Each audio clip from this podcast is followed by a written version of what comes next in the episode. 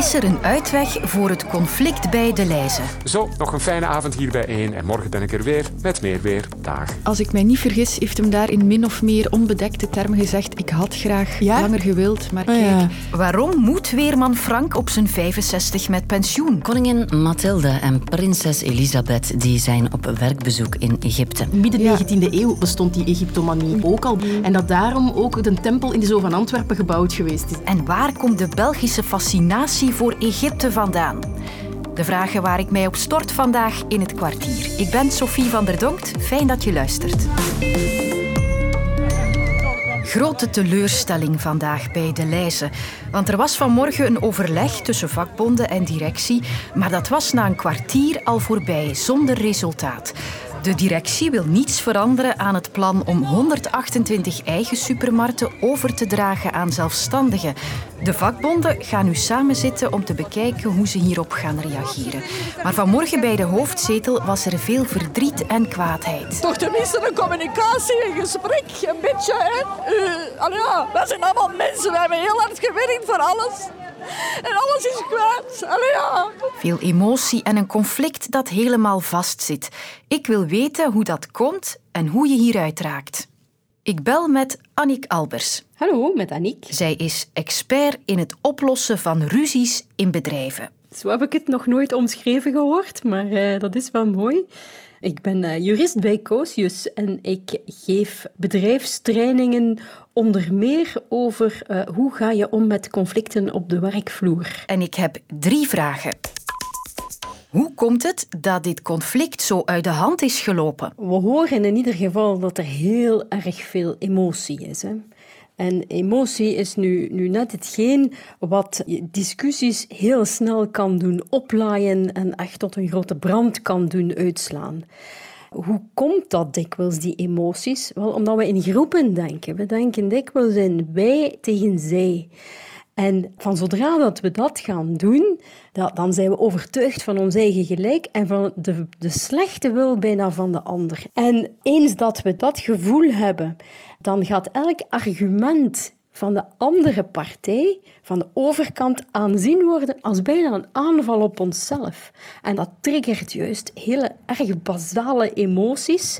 En rationele argumenten hebben op dit moment dan eigenlijk ook niet veel vat meer op beide partijen. De deur lijkt helemaal dicht. Hoe krijg je die weer open?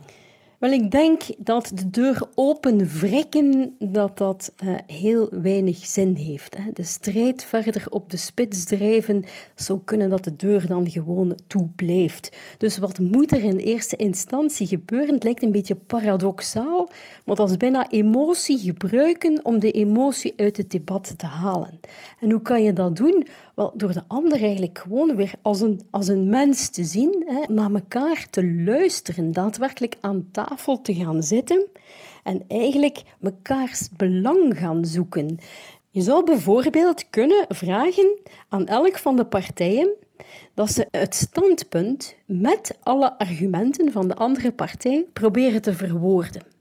En dan zie je heel snel, word je eigenlijk zelf geconfronteerd met het feit dat je dikwijls gewoon denkt vanuit je eigen groep, vanuit dat wij-zij denken. Terwijl dat je dan met zo'n oefening probeert de rationaliteit terug in het debat te krijgen. Waarover gaat het hier nu eigenlijk? Wat zegt de wet eigenlijk ook gewoon over de bescherming van al die mensen waarover het nu gaat? En dan kan je echt gaan luisteren naar elkaar om te begrijpen en niet noodzakelijk om meteen te gaan antwoorden. Kan een sociaal bemiddelaar helpen? Ik denk dat dat effectief hetgene is wat er nu staat te gebeuren. Hè. Een neutrale persoon in dat debat binnenbrengen. En het voordeel van zo'n sociaal bemiddelaar ligt hem eigenlijk in het feit dat als partijen een bemiddeling willen aangaan, wel dat ze dan per definitie al aan tafel moeten gaan zitten en moeten overeenkomen over hoe gaan we eigenlijk bemiddelen, wat gaan we doen. En er worden dan ook sowieso in zo'n protocol afspraken gemaakt, bijvoorbeeld over discretie. Wie zegt wat tegen zijn of haar achterban en ook tegen de pers.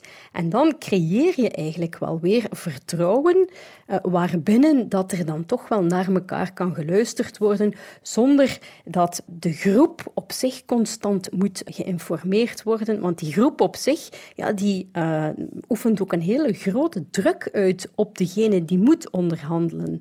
Dus uh, ik geloof heel erg nu wel in, in een mogelijke ontmijning door een sociaal bemiddelaar. Ja.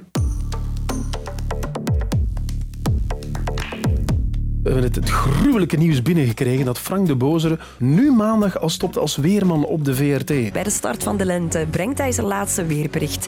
En dat na een carrière van maar liefst 36 jaar als weerman bij de VRT. En dan de man die in alle kranten staat. Goedemorgen. Hey, dag Ruud. Ik heb al tegen de luisteraars gezegd, profiteer ervan, want het zijn de laatste. Ik wist dat het ging gebeuren, maar ik wist natuurlijk nog niet dat het zo snel al zou gebeuren. Ik moet kaasjes en salamietjes beginnen snijden. Ik moet bloemen bestellen. Ik, moet, ik weet al niet wat.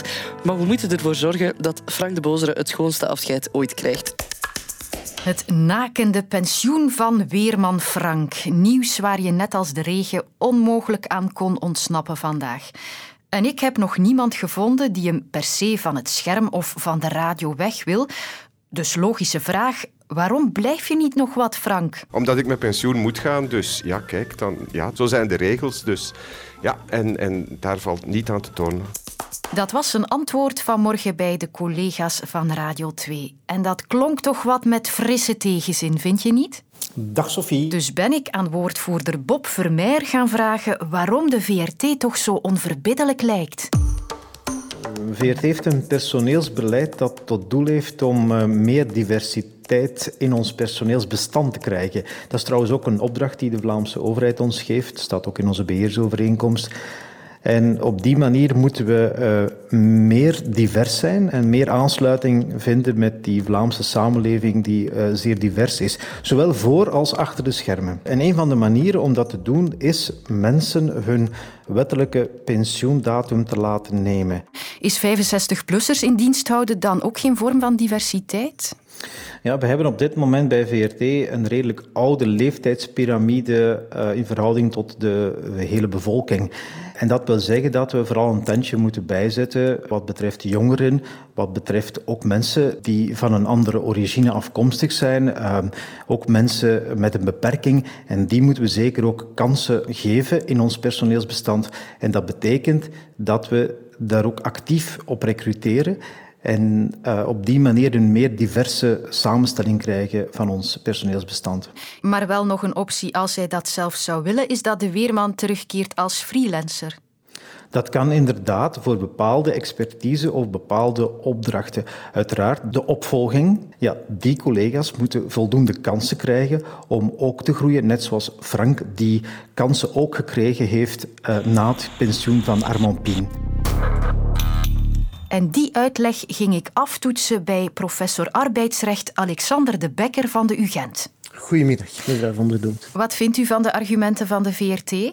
Dat zijn keuzes die men kan, mag maken politiek gestuurd, zoals het vanuit de beheersovereenkomst werkt, dan wel gestuurd vanuit de VRT zelf.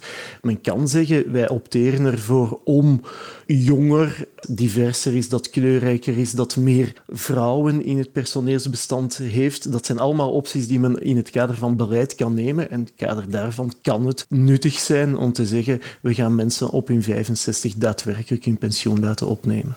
Waar komt dat eigenlijk vandaan? Dat je in de openbare sector, zoals de VRT of stadspersoneel of de lijn, op 65 met pensioen moet? Dat is gebaseerd op een wet die dateert van 21 juli 1844. En dat was eigenlijk de eerste echte pensioenwet die wij in ons land hebben gehad. Pensioen in de publieke sector is er gekomen voor het pensioen in de private sector. Maar vandaag in 2023 moeten mensen die dan toch langer willen doorwerken in die sector zelfstandig worden na hun pensioen. Is dat dan zo wenselijk? Dat is een heel moeilijke vraag. Maar als je in het achterhoofd houdt dat je vanuit politiek oogpunt zegt ja, we willen dat mensen langer aan het werk zijn, dan is het wel heel bijzonder om mensen in een ander statuut te duwen dan het statuut waarin ze voorheen zaten en dat eigenlijk tegen hun wil indoet. Ja, daar zit eigenlijk een soort van probleem in de logica die gehanteerd wordt. En vanuit dat oogpunt zou het beter zijn om te zeggen, ja, je hoeft die pensioenleeftijd niet meer af te dwingen. Je kan ook ervoor opteren om dat, net zoals in de private sector, een pensioengerechtigde leeftijd te maken, waar je zelf beslist of je met pensioen gaat, ja dan nee. Maar dat wordt dus een politieke beslissing en zover is het nu nog niet. Nee, dat klopt inderdaad.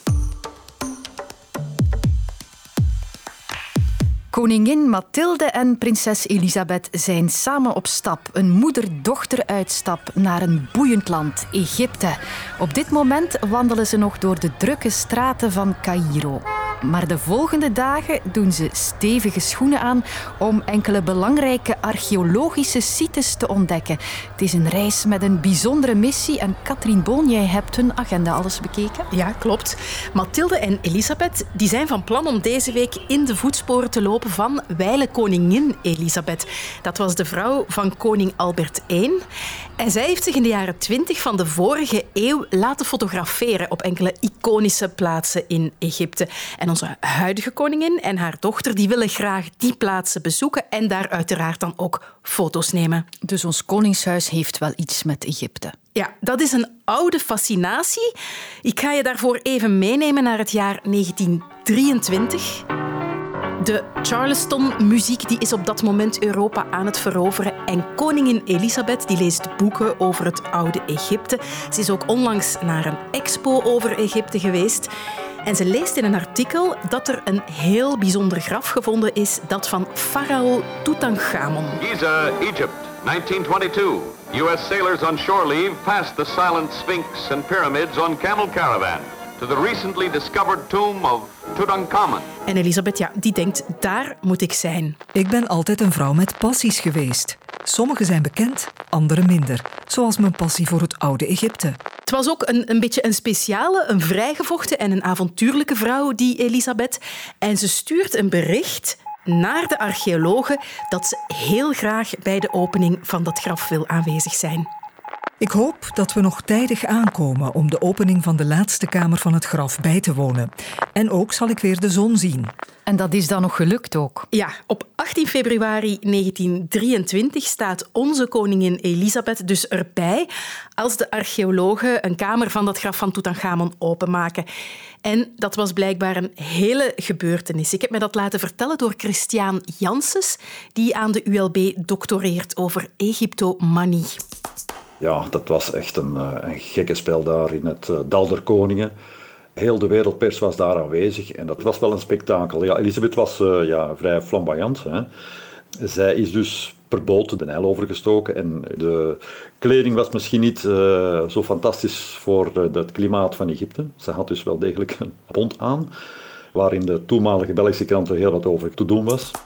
Ja, en die bontkraag die heeft ze dan blijkbaar toch maar uitgespeeld later uh, die dag. Dat was toen wereldnieuws. Wat heeft dat bezoek van Elisabeth teweeggebracht? Wel, het was om te beginnen de start van het eerste echte wetenschappelijke Egyptologische onderzoek in België. Tot op vandaag zijn er Belgische archeologen actief in Egypte. Bijvoorbeeld op de site van El Kap, die Mathilde en Elisabeth morgen gaan bezoeken.